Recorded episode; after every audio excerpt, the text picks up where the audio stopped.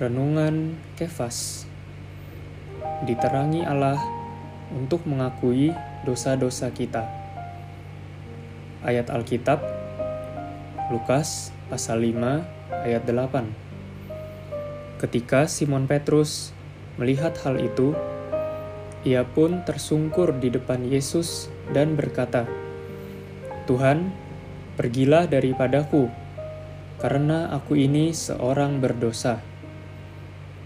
Dalam Perjanjian Lama, Ayub adalah seorang yang tidak menyadari dosa-dosanya sampai Allah meneranginya.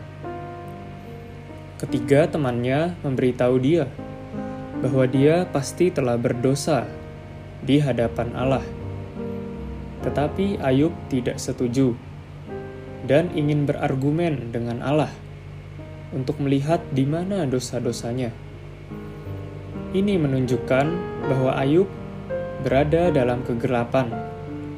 Ia belum pernah menjama Allah atau melihat terang. Seseorang yang telah menjama Allah melihat kekotorannya, dan seorang yang diterangi oleh Allah merasakan kenajisannya. Tetapi orang yang belum pernah menjama Allah atau melihat terang sekalipun ia itu kotor dan najis, ia tidak akan memiliki perasaan kotor apa pun. Setiap kali seseorang menjama Allah, ia akan melihat bahwa ia penuh dengan dosa dan bahwa ia adalah susunan dosa.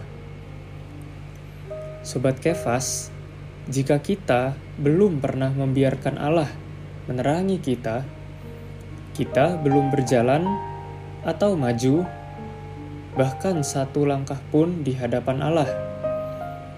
Ketika Allah ingin agar kita berjalan satu langkah lebih jauh, Dia harus terlebih dahulu menerangi kita dan membersihkan kita.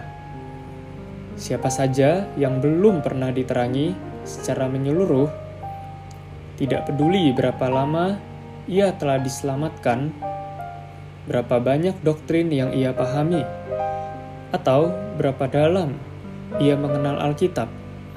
Meskipun ia telah diselamatkan, tetapi ia belum pernah berjalan satu langkah pun di jalan Allah. Langkah pertama Allah dalam menerangi kita selalu membersihkan kita secara menyeluruh.